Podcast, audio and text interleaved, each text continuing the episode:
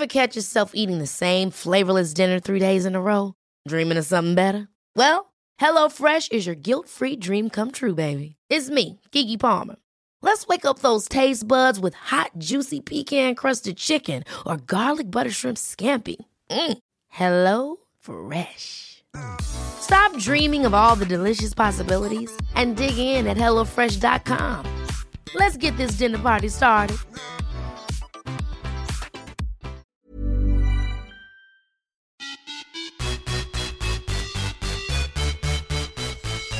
Hej och välkomna till Viss och Svärm on the run.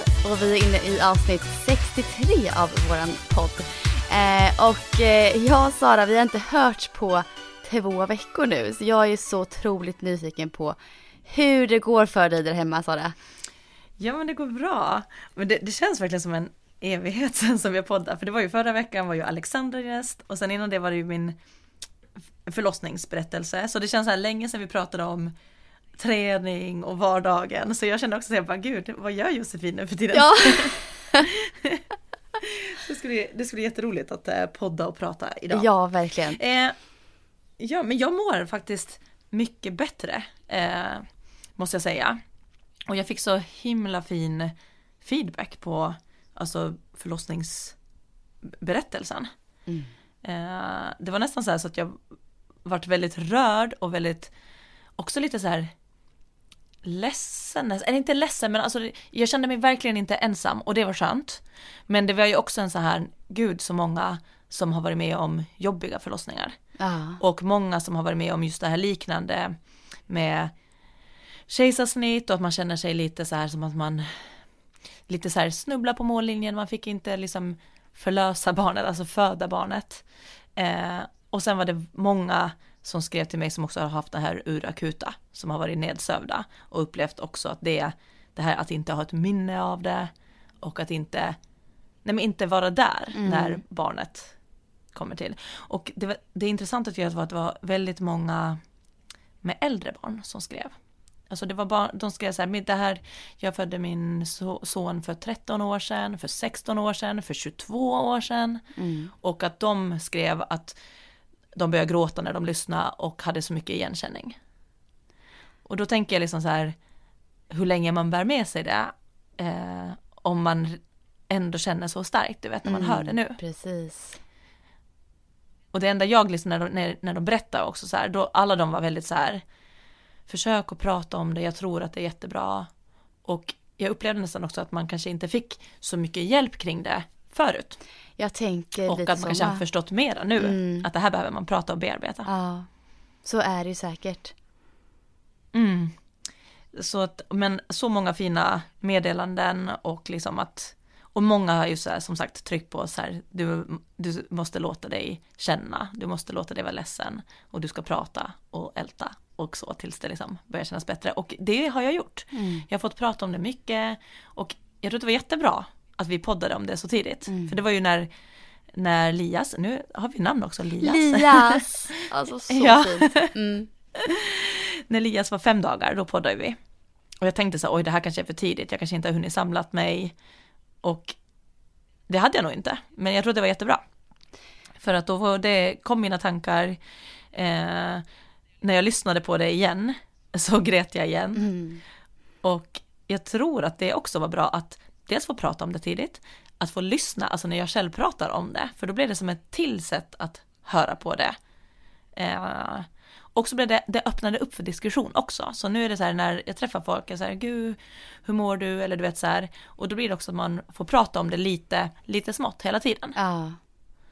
Eh, och det har hjälpt, för jag har märkt att sen ju fler gånger jag liksom har pratat om det så har det känts lättare. Men det har också varit så här konstigt, typ när jag har hört att Lasse pratar om det i telefon med någon kompis eller så som har ringt. Mm. Så ibland så har han sagt någonting, du vet som jag inte vet om. Och då blir det så här, vänta nu, det där har inte jag hört. Nej. För att han berättar ju bara sin story om vad som hände. Ja. Och jag var ju nedsövd och inte med. Och då kunde det vara ibland så här konstigt också så här att jag hör han berätta någonting nytt. Och så reagerar jag så blir jag och lyssnar så här och sen får jag så här, jaha var det, var det så också? Mm. Och, för jag vet ju inte det. Nej. Så det är bra att han också pratar om det. För att jag känner att jag fyller i mina luckor lite hela tiden och nu har vi fått prata med barnmorska om det och gått igenom lite så här eh, förlossningshändelsen där också och vilka läkare som kom och vad de gjorde, vad de hade för uppgift och sånt. Mm.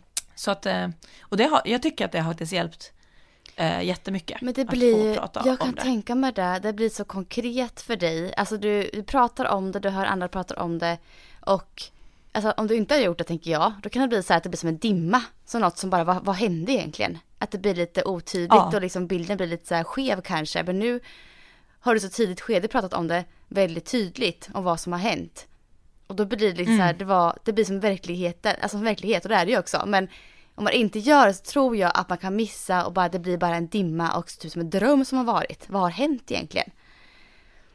Ja, och att man nästan då bara sätter locket på. Ja. För jag var lite på väg att göra det. Alltså jag kände så här, just den här, i och med att allting gick bra. Och det är ju det som många säger också, och det var det också många har skrivit till mig att ha gjort så ont och varit jobbigt, när folk säger så här, ja ja men allting gick ju bra till slut. Ah. Och att det där att det är helt okej att även om allting har gått bra och det har slutat bra och man har ett friskt barn så betyder inte det att man inte får sörja eller vara ledsen för något annat. Eh, och den tror jag är ganska viktig Mm. överlag i livet också, att man kan vara glad åt någonting Mm. samtidigt som man är ledsen eller har, tycker att någonting annat är jobbigt. Mm. Eh, och den har jag också så här, det var skönt att få känna så här, ja det gick jättebra och jag har två friska barn. Men det får också vara jobbigt för mig att ha missat det här Mm. och att ha ont och att ha mått så här första dagarna. Eh, det får det också vara och det, det tar inte bort det ena från det andra. Och det tycker jag att det har varit så här skönt att många av de som har varit med om det har också sagt liksom så här var ledsen, det här, det här har varit jobbigt för dig. Det har ingenting med att göra att du inte är glad att ditt barn mår bra. Ja, Så. men skönt att höra Sara att det liksom har, eh, alltså du verkar verkligen så här ha smält in allt som har hänt och liksom bearbetat det väldigt bra första två veckorna. Det låter ju verkligen så på dig när du pratar.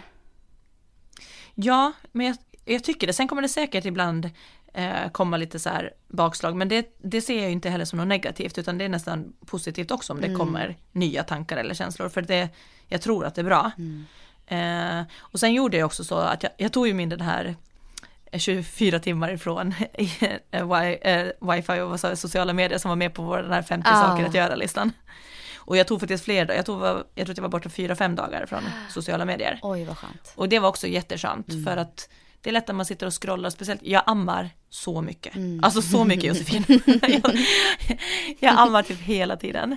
Eh, och då blir det lätt att man sitter och scrollar under tiden. Ja, Eh, och i och med att jag också haft lite problem med huvudvärk och så efter den där havandeskapsförgiftningen så har det inte varit bra att dessutom sitta och scrolla och titta på en skärm. Så att huvudvärken blev bättre, sömnen blev bättre. Jag hade väldigt svårt att komma ner i varv. Alltså först, jag är vaken mycket på nätterna och så tänkte jag men då ska jag sova på dagen. mm. Men det gick liksom inte att somna, jag bara låg där. Eh, och det funkade också bättre när jag tog bort telefonen helt och hållet. Att då somnade jag på dagen. ja men så bra. Eh, ja, och, eh, och så har jag typ läst en hel bok på den här tiden. För att jag har ju läst en bok då medan jag Ja, ammat. Så jag bara, nu har jag fått till att läsa en hel bok på mindre än två veckor. Ja få tid till sånt. Ja, och andra saker som jag tänkte att jag ska ta tag i, du Ja. vet så här. Så blir det att man, nu gör man det för man inte, man, tiden äts inte upp av mobilen. Nej, Så det ja. Nej, men så att eh, jag tror att jag har försökt ta många kloka eh, val och det känns som att det ändå har gett ganska mycket. Eh, det jag också har faktiskt gjort under den här tiden, det är att faktiskt, jag har lyssnat på så många poddar om kejsarsnitt, jag har läst på och jag har försökt hitta så mycket information som möjligt. För att jag, jag kände mig lite lost måste jag säga, för att jag hade så här Alltså, jag har ju läst mycket så här träning efter graviditet och så. Och då har ju alltid kejsarsnitt varit med som en del av det också. Men det jag inser nu är ju att det har varit väldigt, väldigt begränsat och väldigt lite om det. Eh, och så börjar jag fundera, men hur har jag gjort med när jag har haft kunder som har haft kejsarsnitt? Mm. Börjar jag fundera, men då landar jag i liksom att eh, varför jag inte vet så mycket är för att man har ju de här råden att man ska vila 68 veckor och inte lyfta mer än bebisen, vilket har gjort att jag har ju inte heller träffat någon innan den tiden. Det är ingen som har varit med i vår mammagrupp som har varit innan det här. Så att, och efter de här 68 veckorna, då är det egentligen samma rekommendation som för andra, att successivt öka träningen, känna att du har bålaktivering, bäckenbotten, aktivering och allt. Det är som samma råd Okej. efteråt. Ja. Ja, så därför har ju inte det skilt så mycket för mig i mitt yrke. I och med att jag ändå inte har träffat dem. Oftast är, barnen kanske, bebisarna kanske är 10 10-12 veckor när, när mammorna är med i mammagruppen eller så. Mm.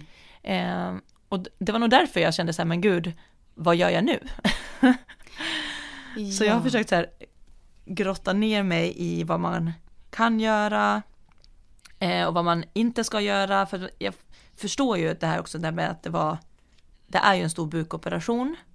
Jag förstod det ännu mer när jag tog bort plåstret och så ärret. Då började jag gråta på nytt för jag fick en sån här, Ja. herregud de har varit, jag är ju av på mitten. Ja. Eh, så där var det en väldigt känslig eh, ögonblick när jag såg liksom, det blev mer verkligt då. Men, så jag har faktiskt skrivit ner lite vad jag har gjort hittills. Eh, ifall att det är någon som någon gång vill lyssna eller känner igen, eller om de kanske vet någon som har fått Mm. kejsarsnitt eller så. Och då var det liksom ändå så här för att som, som en vanlig mammaträning så upplever jag också att det finns så mycket rädsla att man inte ska göra någonting. Vilket jag inte tror att det är den bästa vägen. Att det finns många som säger, nej jag får inte börja träna förrän min diastas har växt, växt ihop. Alltså det här är vanlig mammaträning Mm. överlag. Eller till att jag kan ha gjort massa sådana knip och magövningar. Och då blir man som passiv. Och att gå i flera månader och inte göra någonting, då blir man ju svagare. Mm. Så att jag tror att det finns en rädsla också att man inte, alltså så här, man ska inte göra någonting. Och de var väldigt, eh, de här sjuksköterskorna eller barnmorskorna på, redan på BB, de var väldigt på mig så här, eh, du måste komma upp och gå ibland, du måste börja röra på dig.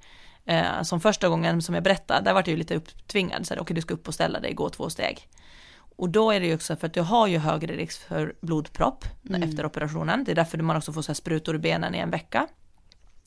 Så att, att röra på sig, men sen då vila, dricka mycket, det är ungefär det som är prio första veckan. Att bara så här, och jag upplevde att varje gång jag hade varit uppe och gått två steg, då var det sen ganska lätt att nästa gång ta fyra steg. Alltså det är ganska bra att öka på, bara man hade börjat komma igång.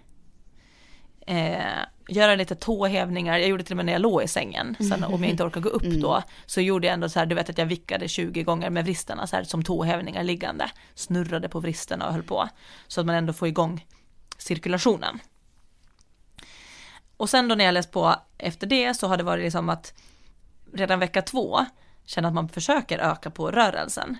Och det kan vara just med små korta promenader, det behöver liksom inte vara ett träningspass eller en lång promenad, men att man försöker liksom så här, ja men flera gånger om dagen röra på sig så att man får ihop mera rörelse.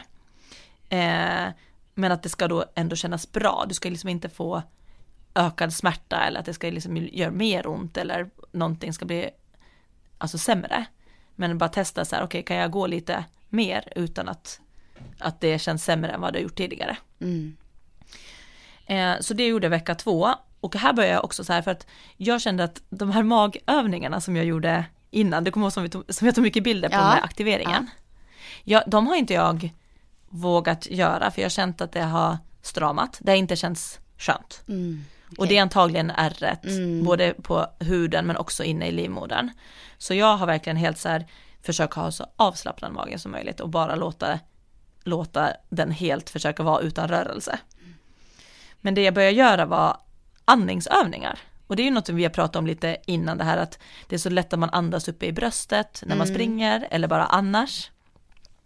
Så jag har försökt träna på att liksom andas in hela vägen till magen och att magen då blir just både större och bredare. Och när jag andas ut så sjunker den tillbaka. Just Och det. det här var liksom li lite svårt i början för att magmusklerna har ju inte varit med. Så jag började bara liksom inte liksom spänna på, inte liksom göra det med aktivering, inte överdriva, men bara känna att jag hittar att magmusklerna samarbetar ihop med andningen. Så det gjorde jag Och sen så började det också där vecka två att försöka liksom det, hitta knipet i bäckenbotten. Jag gjorde inte några övningar där jag försökte hålla kvar vissa sekunder eller så hårt som jag kunde, utan bara känna att, att jag hittar bäckenbotten och att jag kan också hitta den ihop med den här andningen. Mm. Eh, och sen tredje veckan, det är ju egentligen, nu är jag klar med tredje veckan, nu, idag har han tre veckor. Och här har jag ju då börjat med liksom så här, de här, öka på de här rörelserna, för jag gjorde ju liksom, var ute och gick lite eh, flera gånger om dagen. Men nu har jag liksom börjat sätta ihop det till en mer sammanhängande och har, ska jobba med upp mot 30 minuter tänker jag. Men då gick jag tre dagar i rad 20 minuter i sträck. Och det var liksom en ökning för mig Mm. att gå den här promenaden utan att stanna. Eh, så det jag gjort, igår körde jag 25 minuter. Eh, och där har jag liksom min tanke liksom att det ska kännas bra under tiden, det ska kännas bra två timmar efteråt och det ska kännas bra dagen efter. Det var en sån här som jag lärde mig på den här kursen som jag gick i eh, våras, hur man kan tänka lite kring rehab överlag. Mm. Att under tiden, två timmar efter och dagen efter ska det kännas bra. Och det är ungefär den regeln jag försöker hålla och då också kunna utmana mig med hjälp av den. För den blir ju väldigt individuell, för att jag tänker allting kommer inte att vara likadant för mig som för någon annan. För man har så olika förutsättningar. Mm. Men den tror jag kan passa alla ganska bra att veta att så här, men känns det bra nu två timmar efter och imorgon, då är det helt okej. Gör det ont på någon av dem, då är inte det hela världen heller, men då vet man okej, jag ska ju inte öka på, kanske att jag kan prova samma en gång till och kolla om det blir bättre, eller så backar jag lite. Så den tycker jag är en ganska bra riktlinje. Och nu har jag också då börjat göra lite mer det här styrkeknip, att jag försöker knipa allt vad jag kan i fem sekunder och upprepa det fem gånger, fem, sex gånger. Mm. Eh, tänka lite mer på hållningen när jag går och eh, fortsätta liksom med andning kopplat till det här inre bålen och bäckenet. Så det är ungefär där jag är nu. Ja. Så jag känner att jag har ju ändå stegrat upp det ja. eh, successivt även här, fast det är så små löjliga saker. Men egentligen. känner du stor skillnad från första veckan till nu liksom? På din kropp och liksom? Jättestor. Ja.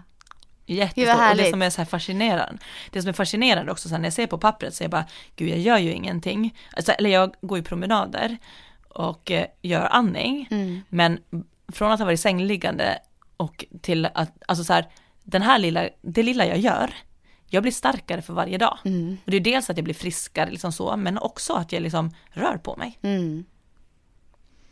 Så det, det känns, eh, jag börjar liksom känna mig liksom, nu börjar benen komma tillbaka lite. Mm. Eh, för de vart, jag skojar och sa att jag ser ut som en långdistansare.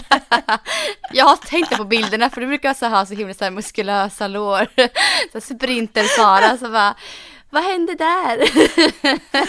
jag bara, kolla Lasse, jag ser ut som en långdistansare på benen. Nej men du vet, jag brukar ju alltid ha liksom så här ganska mycket Ja, lårmuskler. jag vet. Ja. Och det var ju liksom, jag märkte när jag var på sån så här allmän toalett och så skulle jag liksom tvätta händerna och så skulle jag sätta mobilen mellan låren och den liksom hölls inte kvar. Så jag fick liksom stå så här, snurra benen runt som i någon yogaposition för att hålla kvar den.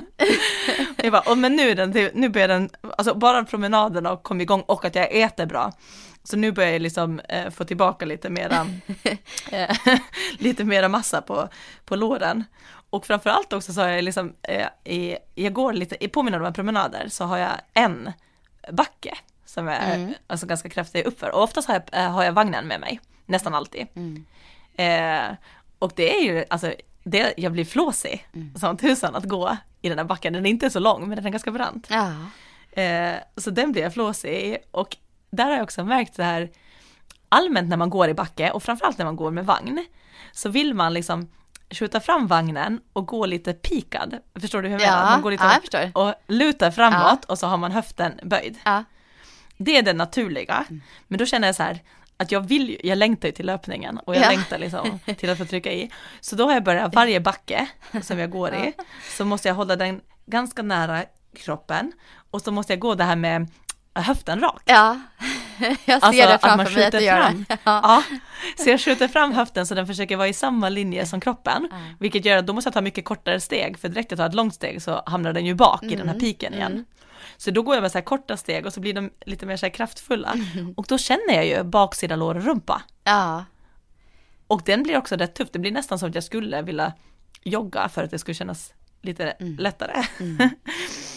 Men det känns, det känns gött. Det känns som att här börjar redan en liten progression mot löpning av att bara gå och försöka ha höften i en rak position och inte luta på vagnen. Ja, ah, vad skön känsla.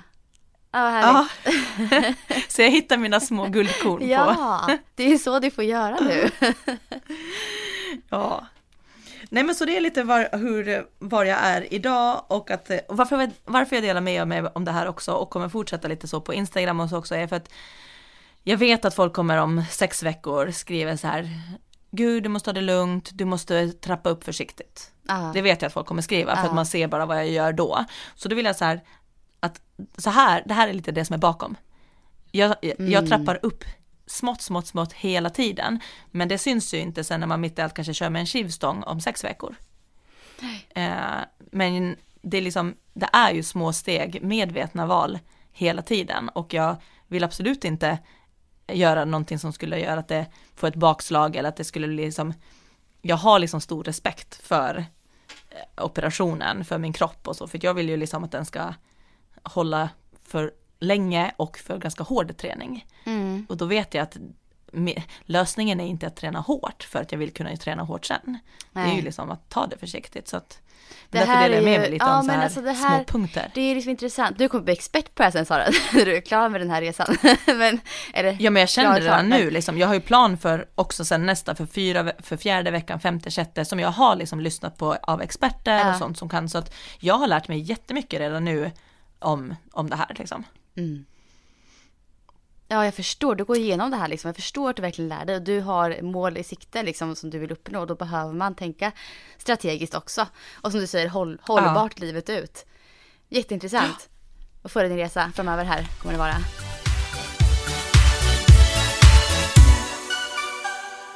Men du, du, jag antar att du har lite mera fartfylld träning? Ja, det har jag. Berätta, jag har ju inte hört om din träning som sagt på flera veckor nu. Nej. Så jag är jättenyfiken hur det går och hur det känns. Och... Ja. Berätta.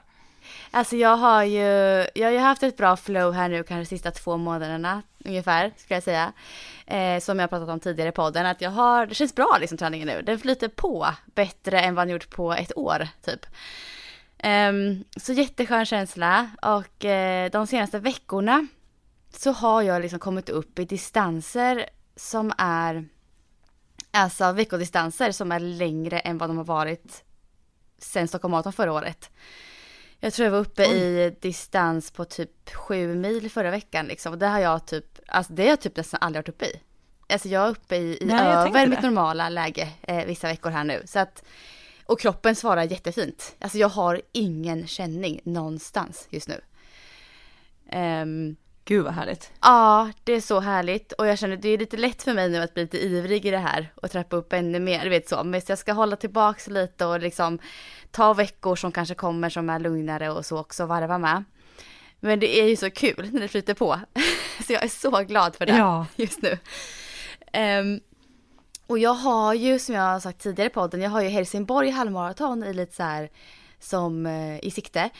Eh, nu vet inte jag om det kommer bli av. Jag tror i dagarna här nu så kommer de gå ut med och säga vad som kommer ske där. Eh, men just nu så säger de att det ska bli av, men det är ändå osäkert.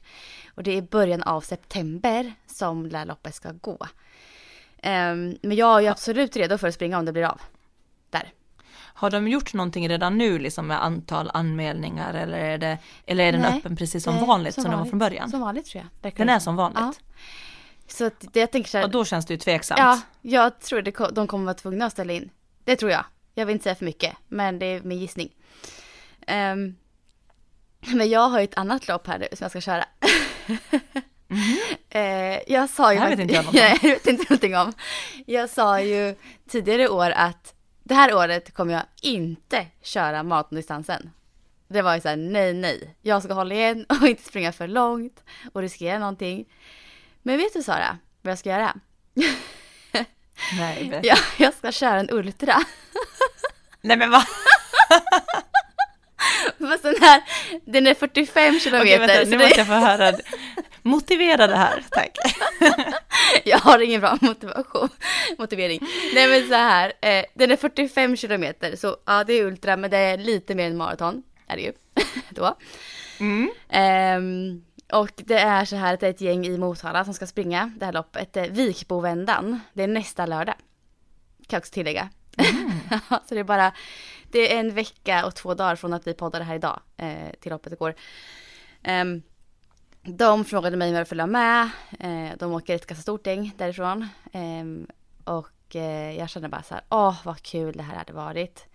Eh, så jag sa först sa jag nej faktiskt. Jag sa så här, nej men jag låt mig själv jag ska inte springa så långt i år. Eh, så jag säger nej liksom. Men så bara häromdagen så bara nej.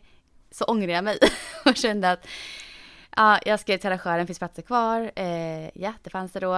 Eh, så att eh, jag ska hänga på. Men jag ska springa med ett gäng som ska hålla ett tempo som är mycket lägre än vad jag skulle gjort om jag skulle tävlat själv. Så okay. nu ska vi alltså hålla ett sex-tempo, sex minuter per kilometer. Och eh, i vanliga fall så hade jag ju sprungit maraton på typ 4.40, typ 5 eller något tror jag i snitt. Så att det blir ja. stor, väldigt stor skillnad um, på fart Men vet mig. du hur banan ser ut? Nej, jag har ingen aning. så går det väl till bara uppför? Typ. nej men det, det ska det inte vara. nej. nej, det är inget sånt, det är liksom inget så här, nej inget sånt lopp är det inte. Det, jag tror det ska vara ganska nej. snällt. Och det är ett lopp som handlar mycket om att uppleva. Man stannar på varje station i princip och kanske typ äter glass till och med och det finns öl som serveras. Så det är liksom ett lopp som mm det handlar inte så mycket om prestation eh, för de flesta som springer det här loppet. Så jag ska ta det här som en dag med det här gänget och liksom springa ett tempo som är behagligt för mig. Så jag tror faktiskt att eh, jag kommer klara av det. Att kroppen kommer eh, vara glad ändå på mig. ja men det tror jag också.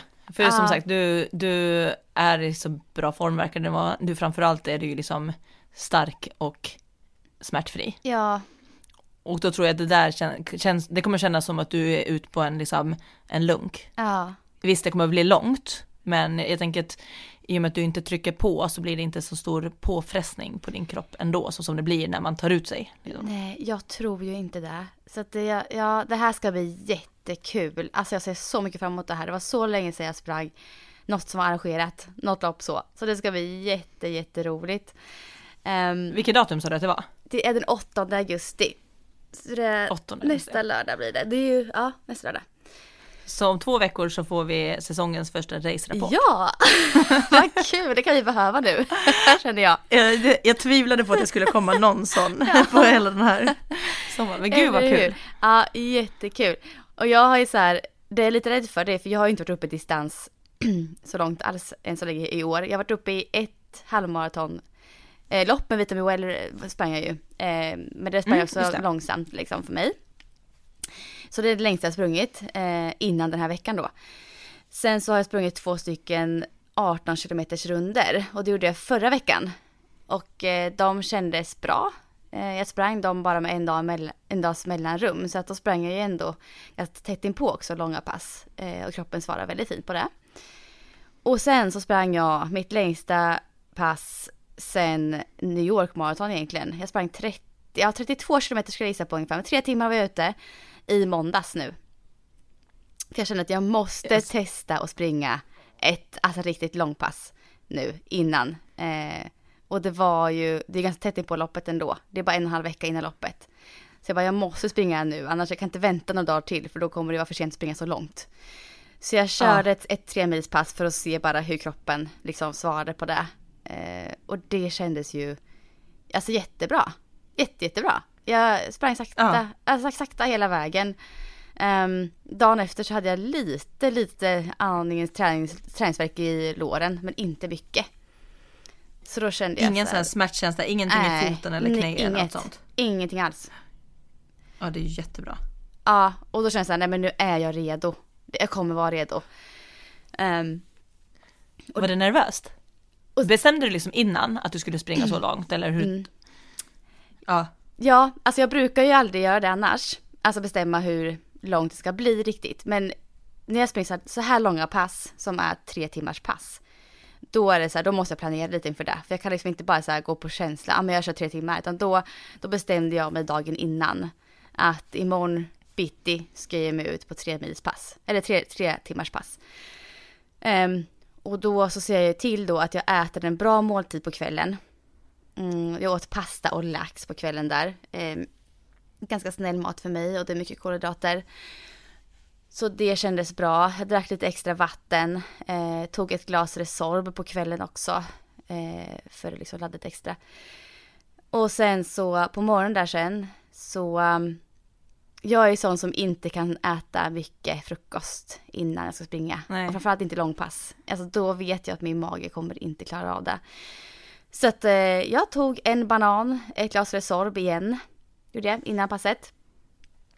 Och gick ut och sprang på det. Eh, och hade med mig banan också under tiden. Så att, eh, och det, det gick jättebra. Alltså jag var liksom inte hungrig någon gång. Jag hade en bra måltid i magen sen kvällen innan. Jag hade bananen på morgonen. Bra vätska i kroppen. Eh, tog den här bananen jag hade med mig efter halva rundan tog jag halva ungefär bananen. Och sen när det sista fem meter kvar så tog jag sista halvan. Så jag verkligen så här inte gick slut på kolhydrater. Mm. Och det funkade hur bra som helst. Och du Eh, sprang själv. Jag sprang helt själv. Mm. Jag, jag är så imponerad av dig. Nej men bara det här liksom att dra ut och springa 30 själv. Så där när du, i och med att du inte hade sprungit längre än 18 så Jag jag vet. innan. Ja. Så att, och bara gör det, bara ta en banan med sig Ja. och bara köra. Jag tycker att det, nej, det är, för mig är det där jättekult. Gud vad kul. Ja. Nej men jag, för mig, ja det kanske är det man tänker efter, alltså att man, att man gör det liksom och helt ensam. Men det, Mm. det är bara för att jag hade liksom, nu, nu ska jag springa Vikbovändan. Det är 45 km långt. Jag måste få in ett långpass. Alltså det, i, min, i min hjärna finns det då ingenting annat än att gå ut och springa långpass. Det är, liksom, Ja. då, det är så lätt för mig då att motivera mig att göra det. För det är det här, idag eller så hinner jag inte köra ett långpass. Då kör jag nu. Det var liksom bara en, be- Ja. jag bestämde mig, tanken bara att nu ska jag köra. Ehm, så att det, det, det kändes ju bra liksom. Jag var stark hela vägen. Alltså lite trött i benen sista kilometerna, det blir man ju liksom. Men då höll jag typ ett tempo som jag tror kommer vara ungefär det som vi kommer springa. Så jag sprang nog, ja, kanske sprang lite snabbare gissar jag på. 5.30 kanske. Kan jag tänka mig att jag sprang. Mm. Eh, men sextempo ska vi hålla sen när vi springer 45 kilometer. Så det, nej, det känns kul nu alltså. Och nu har jag fått så mer, mer smak. Nu vill jag springa långa pass igen. Jag var inne, jag var inne i en period där jag var så här, nej, jag vill springa snabbt och explosivt. Och det har jag fortfarande kvar också. Det med snabba intervaller i backe och liksom, alltså sådana grejer. Men jag har fått mer smak också lite nu för att springa längre. Det var länge sedan jag kände det, den känslan. Ja, och jag tänker att det har ju varit bra lite så här att periodisera det också. Jag menar, du har haft en period där du har kört ganska mycket eh, backe och snabba lopp och hopp och grejer. Jag Ja. menar, du har ju säkert fått ganska stor effekt utav det. Mm. Så att jag tänker det kan väl vara ganska lägligt nu att börja köra lite långt och jag Mm. menar, nu har du ju med dig det där ändå. Ja. Att det kan ju vara ganska kul att periodisera på det sättet. Ja, liksom. verkligen. Och att den här träningen som har varit mer explosiv och snabb och härlig, den har ju liksom gett säkert mig jättemycket, alltså styrka och liksom skadeförebyggande träning har det varit mycket tror jag för mig nu. Inför Mm. mina längre eh, satsningar då kanske. Men jag vill ju fortfarande säga, jag kommer behålla det här snabba också, har en mix, jag har ju oftast en mix. Eh, men ändå få in nu i alla fall flera längre pass även på kanske ett långpass i veckan igen som jag brukar köra. Mm, Mm. nu framöver när kroppen känns så bra som den gör ändå. Men där jag, alltså jag skrev ett inlägg på Instagram också, kom på nu, om det här. Eh, om att jag, alltså, jag åt en banan innan och en banan under tiden och att, ja. Jag trodde nog att jag skulle få en liksom större reaktion på det. Att folk skulle tänka så här, men gud är du galen, springer på en banan, vet så. Men det Ja. var så många som skrev att de gör samma sak. Typ äter ingenting alls, en banan, alltså så här. Och jag var förvånad över det lite. Jag tänkte så här, men jaha. Jag... Och vissa skrev att de till, till och med när de ska springa lopp, alltså maratondistanser, så äter de ingenting innan. Och då vart jag så Nej, här, men gör de... Ja, men jag tänker, du hade ju en bra plan. Och gör man så, så att så här, eh, dag, kvällen innan Ja. äta en ganska stor måltid och lite extra än vad man brukar. Mm. Då tänker jag att det där kan vara rätt bra. Och jag antar att de gör så, eller jag hoppas att de gör så också då. Jag hoppas också det. Man- Och jag tänker ändå så här att för mig så skiljer sig tävling mot träning. Alltså nu sprang jag sakta, sakta hela tiden för min, för min, eller för mig liksom sakta. Och då krävs inte lika mycket energi som när jag går ut och tävlar ett maraton. Nej. Alltså ska jag tävla i maraton då måste jag få i energi på morgonen också. Annars skulle jag inte klara av att springa ett maraton på tävling. Inte på den, med den prestation som jag vill uppnå där liksom. Och då blir jag så här, men gud, springer folk på tom mage när de tävlar maraton? Då måste jag hjälpa dem känner jag här. För det var inte så jag menade. Men så här, då känner jag liksom att, alltså det jag gör inför mina maratonlopp, det är ju att jag, jag äter bra frukost och jag tar ju en Dimor-tablett innan loppet. Och det är ju, skulle jag inte ta en Dimor-tablett skulle jag inte kunna äta frukosten. det är ju, Nej. och jag tänker så här att hitta sin lösning där för att att tävla maraton kräver jättemycket energi. Du trycker på, du har högre puls på tävling än om du tränar tre timmar. Det är jätteskillnad liksom. Så där måste Mm. man nästan försöka hitta en lösning på att faktiskt kunna få i sig energi även på morgonen. Så det vill jag liksom så här ändå prata om för jag känner att, som inte missförstår mig och tänker att jag inför maraton inte äter någonting. För det gör jag ju. Ehm, Ja. men just att den här, för mig då, Dimor-tabletten gör att min mage lugnar ner sig inför loppet och under loppet. Gör att jag kan äta och dricka precis som jag vill. Under och, eh, innan och under loppet. Så jag vill liksom ändå poängtera det att jag käkar ju betydligt mer inför ett långt lopp. Än inför träningen. Men det är intressant. Jag tror, Ja, jag, ja. Ja, och jag tycker att det där kan man, eh, just så har man det där lite där att man vill träna på morgonen och inte vill äta eh, precis innan. Mm. Så jag tycker att det är ändå en bra lösning att se till att äta eh, en stor middag, alltså lite extra, eller ett kvällsmål. ja, Som är också så lite extra och lite kolhydrater och så innan man går och lägger sig. Mm. För att det brukar kunna göra också bättre känsla att faktiskt ändå liksom springa lite längre eller ja. om man ska springa, kanske inte det tuffaste passet men ändå ett kanske lite mera kvalitetspass så kan det, Mm. det kan ju absolut vara en lösning där man liksom Absolut. Eh. grundar kvällen innan istället. Ja, och man vill liksom inte kanske så här alltid äta Dimor-tablett som stoppar upp magen. Alltså Nej. så här varje dag. Det vill man ju absolut inte göra. Så det är vissa sammanhang som man kanske gör det då, prioriterar det. Och då kan ju det här med kosten innan, vara- eller dagen innan, vara en bra lösning. Ja, Och det snällaste som jag upplever mot magen, det är banan. Alltså det funkar så bra att springa och äta banan. Och jag är jättekänslig annars, men just det funkar för mig. ja. Så det är ett tips till andra också där. Eh, ja, så det är så som min träning egentligen går just nu. Eh, jag kör på och jag ska börja köra långlopp och jag är så sugen på att springa någon slags fjällmara och sånt framöver också. Det har jag så här i åtanke. Men det får bli så här eh, lite mål längre fram. Jag såg ju att det går i åren nu, 22 augusti, går det Kia fjällmaraton tror jag att det är som går då. Där vart jag jättesugen på. Och den är på som vanligt. Den verkar ju vara det alltså.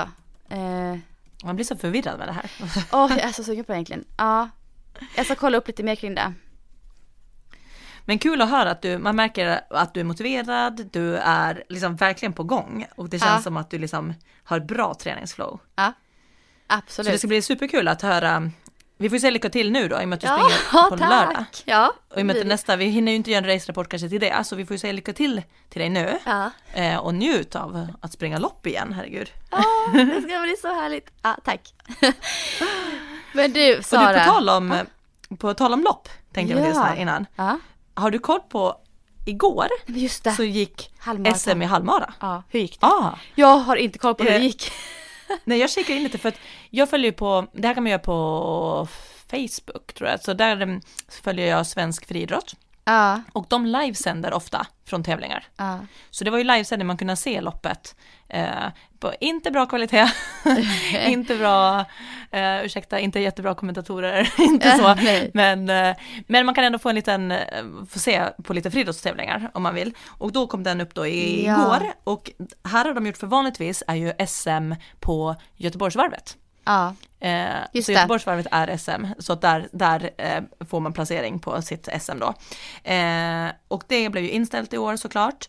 Och då har de gjort så för att de ville ju försöka lösa att det skulle få bli ett SM ändå, även om det inte var på ett sånt öppet lopp. Mm. Eh, så då hade de gjort så att kval, kvaltider som man ska ha gjort de senaste två åren och bjudit in då löpare som klarade, det var ganska tuffa, jag tror det, mot, det var ungefär att du skulle ha sprungit milen i damklassen då, milen under 37 eh, halvmara på, nu kommer jag inte ihåg vad det var, men det var ganska så här tuffa ändå. Ja.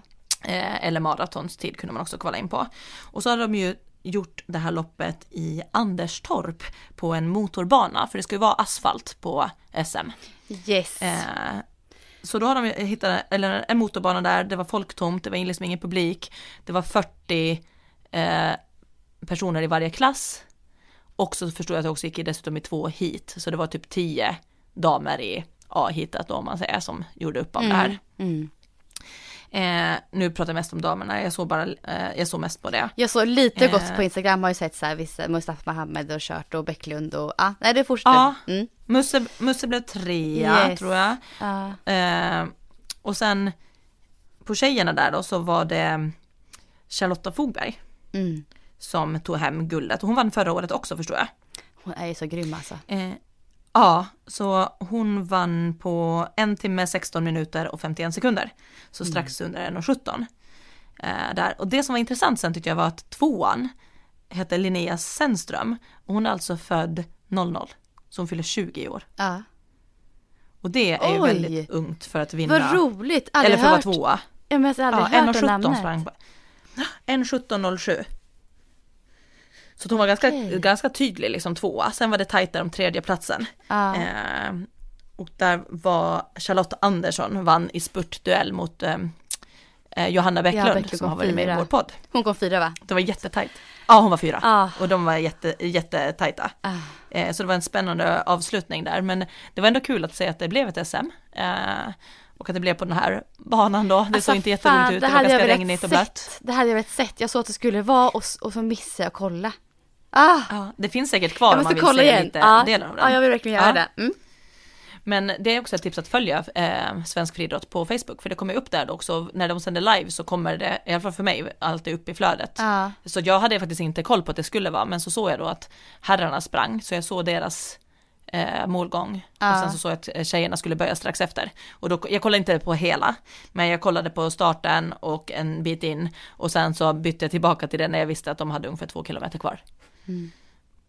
Eh, så nej, så det var lite kul att det faktiskt har varit SM i, i halvmara ändå nu. Men de såg ut att ha ganska tufft väder.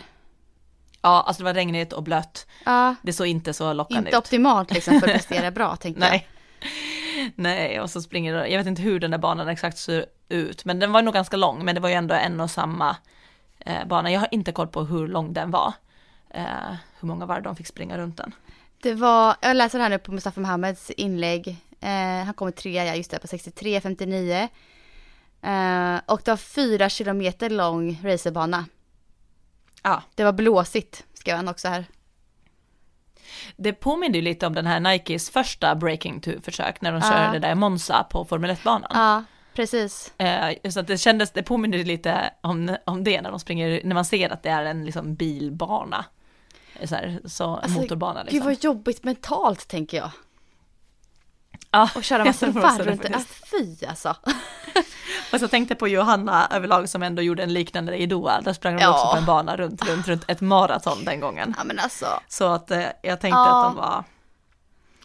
eh, Minns du hur lång ja. den, minns du hur långt det varvet var? I Doha? Jag har för mig att den var typ lite liknande. Ja eller hur, det var inte alls långt. Eller det kanske, den kanske var sju Mm. faktiskt. Jag kommer inte ihåg, sju kanske den var? Ja, den mentala liksom. Ja, Ja. Så, Ja, men kul nej, men att det var höra. lite kul. mm, verkligen. Men du Sara, du har ju också som sagt kommit igång lite grann med träningen här. Och du har ju en plan, låter det som, för hur du... Plan. ja, du har alltid plan med din träning. Jag Eh, skrattade när jag lyssnade på ditt och Alexandras avsnitt förra veckan, som var jättebra för övrigt. Jag, jag gick och funderade på det länge och Ja. tänkte och eh, ja. Men då skrattade jag lite när ni sa så här, ja men Sara så, hon har ju nästan alltid en plan och eh, mål. och, jag bara, och redan då hade jag ju redan det i huvudet nu också. Ja. Men alltså det sjuka är att jag har så stor motivation. Alltså jag, jag typ så här, jag skulle bara vilja träna, träna, träna. Men, och jag är ändå inte frustrerad, utan jag är typ bara så här glad för att det där som jag sa, även om jag kunde träna mer när jag var gravid, så är jag ändå nu på andra sidan och jag vet att från och med nu kommer jag bara bli starkare och starkare och starkare. Mm. Så jag känner mig faktiskt Åh, ändå inte stressad. Jag, jag vet att vissa blir, vissa blir stressade av att jag säger att jag är så pepp och så här, för då tror de att jag liksom inte kan hålla emot. Mm. Men det är inte på så sätt, utan jag bara nej men så glad och känner att jag njuter av att gå de här promenaderna. För jag har ju en liten progression ändå, liksom så här med att, ja men igår gick jag fem minuter längre. Uh, jag gör mina bäckenbottenövningar som brukar vara så tråkiga annars. Mm. Men det känns som att de kan jag göra nu. Så att jag är liksom bara glad att göra dem. Mm. Och jag känner mig liksom bara så här jättemotiverad och peppad på att göra de här små stegen. Att bara liksom, ja, nej så att jag, jag känner att jag, jag börjar ha min plan och den är på ett lite nytt sätt, för oftast brukar jag ha liksom ganska tydligt vad jag ska göra.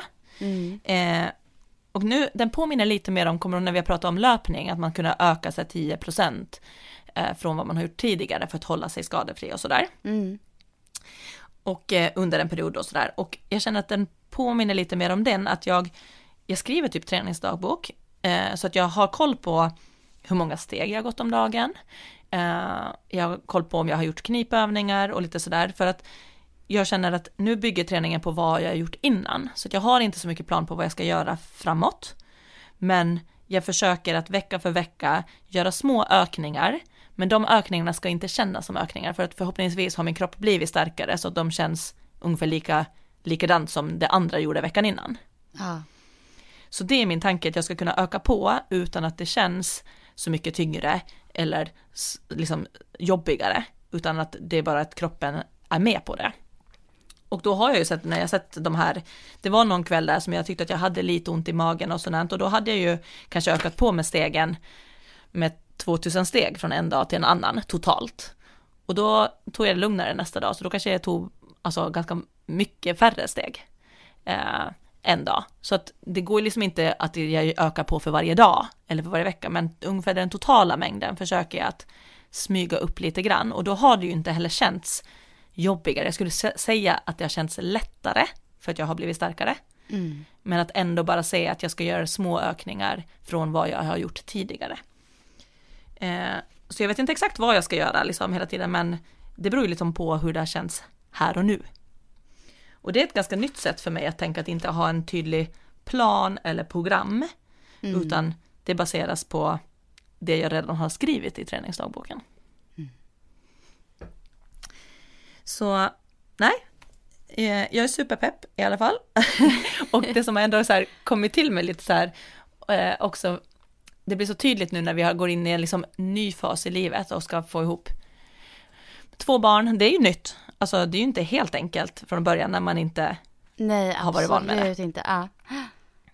och jag sover inte så jättebra på nätterna, så vi har också så här, sover separat, vilket vi aldrig har gjort heller. Jag har typ varit lite emot det, för att jag Mm. tänkte att jag vill, jag är så rädd att fastna i det tror jag. Mm. Att man ska sova Det i ganska- olika sovrum. Ja. Men det har, alltså, I det har vi, vi har ju också gjort det ganska mycket kan jag säga. Ehm, Ja, det har liksom blivit så med barnen. det var så här lätt en period och ja. ja, jag, jag förstår grejen. Har, har, har Rasmus sovit med Lasse då? Eller hur har ni liksom tänkt där? Ja, från början. Och de, men de har ju haft jätteroligt för eh, Rasmus har ju då fått vara i äventyr. De har gjort allt från sov i gäststugan, men de har också tältat på gården flera Ja. nätter. De har sovit på ett loft och de har liksom så här, så de har varit ute på lite eh, äventyr och så har jag och Elias då sovit i, i vår stora säng. Ja. Eh, så att, och det, har ju, det blir ju bättre för att annars blir jag ändå lite stressad av att det känns som att vi väcker alla Ja. när, när han, om han börjar skrika eller du vet, sådär på natten. Mm. Eh, så att, nej men så har vi gjort. Eh, men det jag märker också liksom så här, som har faktiskt har hjälpt oss jättemycket, som jag tycker att det är rätt smart, som jag bara tänkte eh, hur, dela med mig om hur vi gör. Och det är att så här, på morgonen när vi sitter och äter frukost, då är det ändå så här att vi, vi frågar varandra, nu är det ju semestertider så det är ändå lättare, lättare så, vi har ju mycket tid ihop. Mm. Men då är det så här, okej, vad vill du göra idag? Och så är det typ två saker man får prioritera. Mm. Och då är det som, jag prioriterar ju ofta så här att jag behöver få gå och lägga mig åtminstone en timme, helst ensam. Annars kan jag ta Lias med mig om jag tajmar att han sover. Mm. Men annars får ju han, eh, att de får gå ut och Rasmus cykla och, och Lasse ta Lias i vagnen. Mm. Men det har ändå varit så här, en timme vill jag lägga ner och verkligen försöka sova. Och sen kanske jag har prioriterat min träning, vilket är då att jag ska få gå eh, typ en, en halvtimmes promenad eh, och kanske stretcha lite efteråt eller sådär. Mm. Och Lasse har ofta sagt så här, ja men jag skulle behöva jobba två timmar och jag skulle vilja träna. Mm. Och då är det så här, det är så skönt när man på morgonen säger så här, vad vill du få till idag? och vad vill jag få till? För då är det direkt att vi utgår från så här, okej okay, hur får vi till det? Mm. Och att det bara är två saker, för det är så lätt att Lasse framförallt skulle kunna börja säga, ja men jag vill fixa i landet, jag behöver fixa på båten, jag vill jobba, jag vill träna, jag vill, alltså han skulle kunna räkna upp allting. Mm. Och då blir det dels att han blir lätt besviken, tänker jag på att han inte hinner allting. Men också då att det blir så här att då blir det ju att jag får ta båda barnen i stort sett hela dagen. Mm. Och så ska det inte vara. Nej. Att jag tycker det är viktigt att man liksom då stämmer av, liksom får vi båda tid till det vi vill göra. Och då, då vet jag också när jag har sagt så här, jag vill göra de här två sakerna, då vet jag att Lasse ser ut till att jag får gå och lägga mig en timme och jag får gå min promenad. Och han till och med så här peppar lite till att, du vet, det var det i, förrgår någonting så regnade det där på kvällen när jag skulle Mm. gå och jag bara, ah, men jag kanske inte tar promenaden idag. Och han bara, jo men det är väl bara att gå. Du behöver inte ta med vagnen ifall att, det, alltså att vi behöver regnskydd och sånt. Mm. Ta på dig en regnjacka och gå. Mm. Och jag bara, det var också så skönt, för jag hade ju sagt högt att det var vad jag skulle göra idag. Ja. Och då blir det också så här, det blir av, Ja. för att jag har sagt det högt, vi är två som planerar in det, och att han faktiskt också kan hjälpa mig och, och då gick jag ju, det var jätteskönt. Och då gick jag själv bara, men Ja, men ut alltså, i så regnet. liksom. skönt. Ja, men det där tror Ja. jag är jättebra att göra. Jag tror det är lite så att man, så här, man tänker att man vill göra saker, jag borde göra det här, jag borde träna idag, jag borde göra det här, så säger man inte rakt ut. Och så kommer någonting annat emellan, som någon annan planerar in. Och så Exakt. blir, det inte, så blir man inte nöjd liksom, med den dagen riktigt. Då blir det så här, åh. Så var det för min sambo igår. Alltså han fick inte, inte sin träning gjord igår. Ofta så vill Mm. vi, båda två, oftast vill vi träna någonting nästan varje dag. Så han var lite så här nedstämd över det här sen och skulle lägga sig. Alltså han var så här, han var inte nöjd. så det var Nej. så här, jag såg på honom så här, men gud han hade verkligen behövt kommit ut idag. Och rört på Ja. sig. Så jag tror det där är ett faktiskt väldigt bra och enkel grej att göra. För att få saker gjort som Ja. man verkligen vill ha gjort. Och behöver. Ja, jag tror att det är så bra också att göra för att för jag känner igen, för att nu hänger vi ut våra sambos här, men Lasse kan ju också vara så här lite, att jag kan märka att han är lite så här sur på kvällen för att han, ah, jag, eh, jag har inte tränat idag heller, eller du vet så här, Ja. att han blir, han blir stressad över det. Ja. Och han är ju bara det själv, men jag blir då lätt att jag känner mig som att, att jag inte har liksom hjälpt han få till det. Alltså förstår du att jag tar det Mm. lite på mig ibland, Mm. vilket jag absolut inte ska göra, men jag kan bli så här Fattar. liksom så här, Jag. Ah, att jag blir också lite påverkad av att han är irriterad för att han inte har fått till sin träning. Mm. Och då tänker jag så här, okej, då måste, jag måste ta barnen ännu mer någonting. Och det handlar ju inte om det. Det handlar ju om hans prioriteringar och om Mm. hur vi, och att man får inte ha för många ambitioner, eller för höga ambitioner. Utan då är det så här, och jag tycker att det passar jättebra med två saker och då får man välja så här, har man mycket typ av jobb som måste fixas, ja men då kanske man inte ska träna den dagen. Då är det så här, okej, min kan det prio är jobbet, också. jag behöver få, Ja. ja, Just idag behöver jag Och- fokusera på jobbet. Och då får det vara så. exakt. Mm. Exakt, och då acceptera det redan på morgonen vid frukosten. Mm. För det är ju också så här, Ja, faktiskt.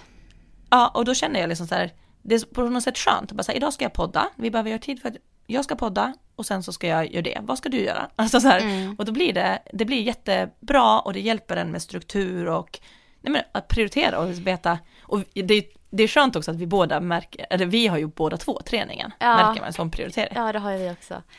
Ja, Men det hade ju där- inte behövt vara samma heller, om man har Nej. den här diskussionen. Nej. Men då får man ju också veta vad som är viktigt för den andra och det tror jag också att det är bra att veta vad, vad behöver den göra för att må bra idag. Ja, det är där man undviker så mycket så stress på att jag borde egentligen träna nu idag någon gång. Men om man har sagt från början Exakt. att nej, idag är fokus på jobb. Då tänker man inte Ja. ens att man borde träna. Nej. Det- Då tar vi det imorgon liksom. Alltså, mm. Ja, och så tycker jag att det är så här skönt för att det här handlar ju då bara om vad jag vill göra. För att annars är det så här, ja, jag måste vilja vara med barnen. Och det behöver jag Mm. inte säga, för jag är ju med barnen när Lasse gör sina grejer. Ja. Så det, det är ju ingen så här prioritet, utan den kommer med. Och då kan jag hitta på något jättemysigt med dem själv. Mm. Och nu är jag oftast nästan varje dag ut med att Rasmus är ute och cyklar och jag är ute och går med honom. Och vi, vi har ju jättemysigt då. Mm. Så det behöver ju inte vara liksom att jag känner mig dum för att jag prioriterar egna saker, för att jag får ju det andra automatiskt. Ja. Det ingår i man någon- vardagen ändå. Exakt, och så kan det ändå vara som att ibland säger man så här, men idag ska vi göra någonting allihopa. ja. Eller sådär, liksom att det kan ju också vara en prioritet, men att man, men det blir lite roligt, ja, för du vet man går så in i det där och strukturen också, det blir ju en struktur på dagarna. Mm. Och då sa vi liksom att, eh, att Lasse skulle på förmiddagen träna, jag bara bra, då tränar du så tar jag båda barnen och, så, och sen så kom, sen kom en granne över med deras son som är lika gammal som Rasmus. Ja. Så de kom på playdate, äh, sonen och pappan. Ja. Och då kom det så här, och då märkte jag liksom att Lasse hade lite svårt att stå utomhus i gymmet och träna Ja. när vi hade typ besök. Ja. Förstår du? och då märker jag hur Lasse, alltid, han är supersocial, så han kommer ju då alltid så bara, ja, ja, du vet, och så märker jag så här, nu försvinner Lasses träningstid. Ja. Och antingen kommer jag måste ge två timmar till senare idag, Ja. och då kommer typ inte jag hinna träna. Och så jag märkte hur jag blev lite så här stressad av det här. Så det slutade med att jag typ bara så här, nej men vet du vad, jag tar hand om båda barnen, jag kan laga lunch till dem och så sitter vi och äter. Och så kanske du vill gå och träna med Lasse, säger. Och han står det, han bara, ja men han bara, ja så jag har inte, inte träningskläder riktigt med mig. Jag bara, du kan låna shorts om du behöver. Ehm, och så började jag så här styra ihop och jag märkte hur jag blev lite så här pushy. För att jag typ ville att Lasse skulle få till sin träning. Och så han bara, ja han bara, men i och för sig de här jeansshortsen är väldigt stretchiga. Jag bara, kan du göra knäböj i dem? Och så testar han. Och så går han typ till gymmet i jeansshorts och Birkenstock. Och sen så kör de igång och då tänkte jag för, för Rasmus har fått en studsmatta så att de älskar att hoppa och då, hans kompis hoppar också. Så de hoppar, du vet jag gjorde mat som jag inte behövde stå i köket, du vet jag bara satt in i ugnen. Ja. Jag kokade ris och satt in en så här torskfilé i ugnen. Ja. Så det köpte ju sig själv, så då kunde jag ha dem och Lia sov i vagnen. Jag kände mig som en värsta supermorsan. Men så ser jag ju när de kör, du vet att de kör ju ett, alltså ett så tufft pass. Och jag har förstått att han har inte tränat på ett bra tag för att de väntar också sitt andra barn nu om bara några veckor. Ah, och jag vet ju hur det blir när man är permitterad och hemma och man, är inte, man har inte sina rutiner. Mm. Så ser jag bara så här, åh jäklar vad de kör. Han kommer ha så ont imorgon alltså. Och sen jeansshortsen med tänker jag på. Ja, så han står i jeansshortsen och, och som en Birkenstock och så körde han ett helt styrkepass med Lasse. Och men vet du vad, han var så, man såg liksom på honom ändå hur nöjd han var efteråt för han hade ju fått in- ett bonuspass som han Ja. absolut inte var förberedd på. Det väl jättebra för honom. Sen hade jag lite dåligt samvete när jag gick hem, jag bara gud han kommer typ inte kunna gå. Han kommer aldrig komma tillbaka till er igen. Nej jag tänkte så här bara, han kommer aldrig tillbaka. Och det här var typ i måndags. Ja. Och vet du vad, igår ja. Då var de här och vi gjorde samma upplägg. Nej. Papporna tränade och jag hade barnen. Är det sant? Ja. Och nu kom han liksom fullt i så här eh, Nike shorts, vet du, Ja, eh, funktionell t-shirt. Det här var ju bara, jättebra var ju- chans för honom och möjlighet Han bara, är du säker Sara? Är du säker att det går bra? Jag bara, ja, ja, ja, ni får ju sen ta tillbaka någon annan dag, då får ju ni ha barnen och så Ja. tränar jag sen när det är min tur. Ja. Han bara, det det här var ju, det här var ju helt fantastiskt att inte behöva lämna ön och bara få köra bänkpress. Jättenöjd. Det var bra. Så jag, jag skrattade lite åt det, men jag kände också så här, jag bara efteråt, jag bara, men gud vad gjorde jag? Men det var för att jag blev så stressad för vår, våra prioriteringar och vårt flow Ja. som vi har hittat. Ja. Alltså, gud vad Så så kul. kan man göra. Ja, så kan man göra. Han kommer att tacka mig senare. Mm, det kommer han göra. Han kommer hänga hela sommaren, resten av sommaren här och se det. Ja, ja precis, nu kommer det bli pappaträning. Ja men sen Sara, tänker jag, ska vi spinna vidare på eh, våran andra podd tänkte jag också. Ja, Jag tänker vi kan ju nämna, vi har ju vi har ju en podd med Aftonbladet Plus. Där vi coachar er genom olika intervallpass. Och vi har ju pratat om pass 1, 2, 3 och 4 nu va? I podden. mm. yes. Ehm, och jag tänker lite kort om pass 5 med. Där så varvar ju vi faktiskt löpning med styrketräning. ja. Jag är lite nyfiken på feedback, för jag vet inte, jag har inte hört om någon har kört just pass fem ännu. Jag såg det verkar som att alla kör dem i ordning. Ja, nej pass 5 vet inte jag heller om någon har skrivit om än faktiskt när du säger det. Nej? det Jag är det lite nyfiken. På. Ja, för den skiljer ju sig från lite andra. Så jag är faktiskt Mm. helt ärligt nyfiken på om man hänger med på våra instruktioner. Ja, och, och vet du, det här är pass jag inte har kört än själv. Nej. Det här kanske är någonting, det måste jag göra in, innan nästa vecka. Köra passet. Ja, Det lovar jag att jag ska göra. men gör det. För, För det låter så- Lasse det har kört så alla pass kul. utom det också. Mm, mm, I och med att han har styrketränat annat så har han Ja. inte b- kört det. precis. Eh, men ja, så det här är alltså sex minuter löpning. Det kommer börja med ganska lugn eh, löpning, man kan ha det som uppvärmning. Sen är det ju en styrkeblock som kommer efter det i Tabata-form och då är det ju Mm. helt med kroppsvikt. Så att man ska kunna stanna till bara var som helst på rundan. Det är någon gång man behöver en bänk. Är det, var det här på första? Eller var det på nästa? Eh, det är, var det, jag kommer inte ihåg riktigt vilken det var. Ja, oavsett. Det är tabata med två övningar. Så det är det här 20 sekunder jobb, 10 sekunder vila. Så varvar man två övningar. Mycket det som jag körde på slutet under graviditeten. Eh, och det var ju mycket det här som vi sa, det är så skönt när någon bara håller tiderna och man betar av några styrkeövningar. Ja. Det är snabbt och effektivt och vi säger ju då vad ni ska göra för övningar. Precis. Sen efter styrkeblocket, då är det löpning igen. Och då är det sex minuter med den här progressiva löpning så man kommer öka tempot och verkligen försöka pusha på sista två minuterna. Mm. Och sen är det tabata styrka igen. Eh, nya övningar. Och sen har vi satt, satt in tabata löpning. Så här Ja. kommer man springa 20 sekunders intervaller. Så det här blir nog rätt tufft för benen tror jag ändå. Så kul. Nej men jag blir sugen nu känner jag. Ah, Ja.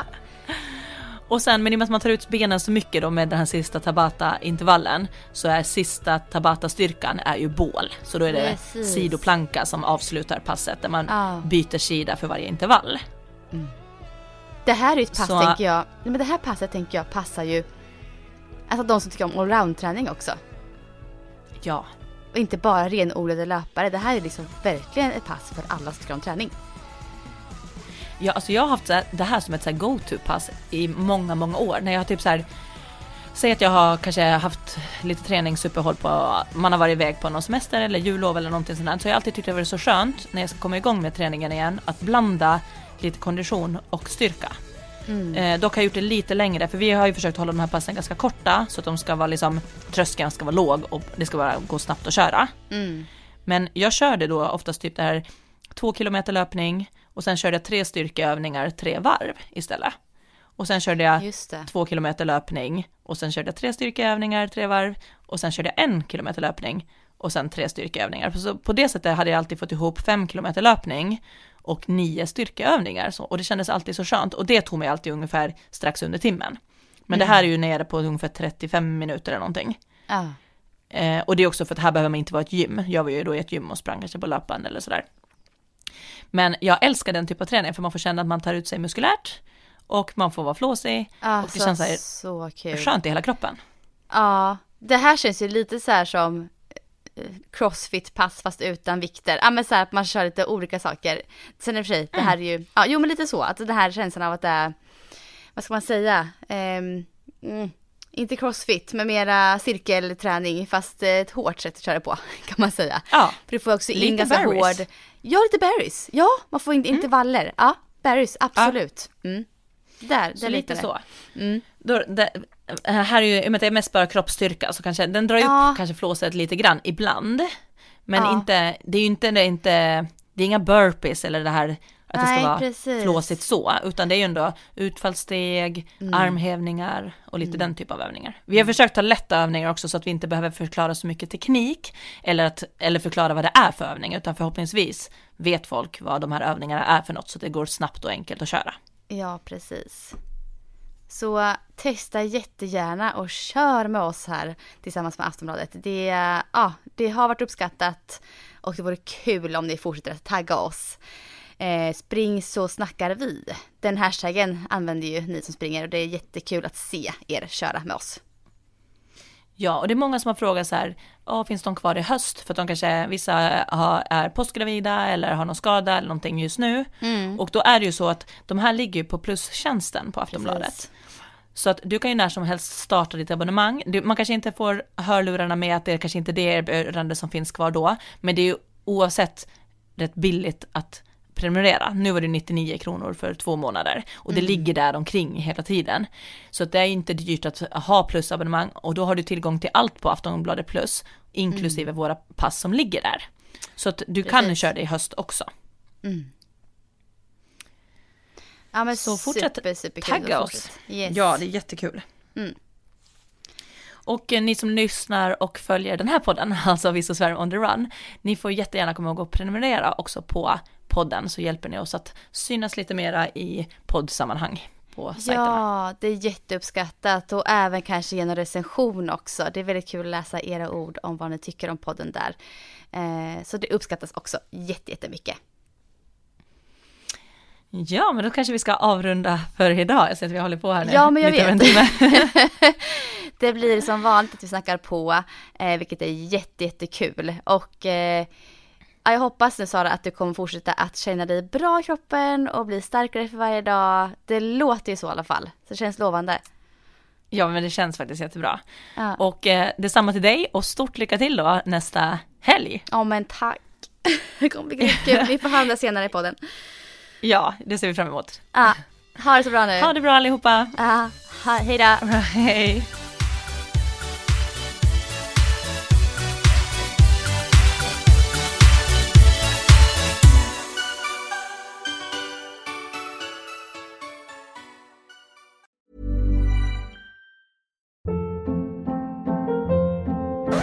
Hold up. What was that? Boring. No flavor. That was as bad as those leftovers you ate all week. Kiki Palmer here, and it's time to say hello to something fresh and guilt-free. Hello Fresh. Jazz up dinner with pecan-crusted chicken or garlic butter shrimp scampi. Now that's music to my mouth. Hello Fresh. Let's get this dinner party started. Discover all the delicious possibilities at hellofresh.com.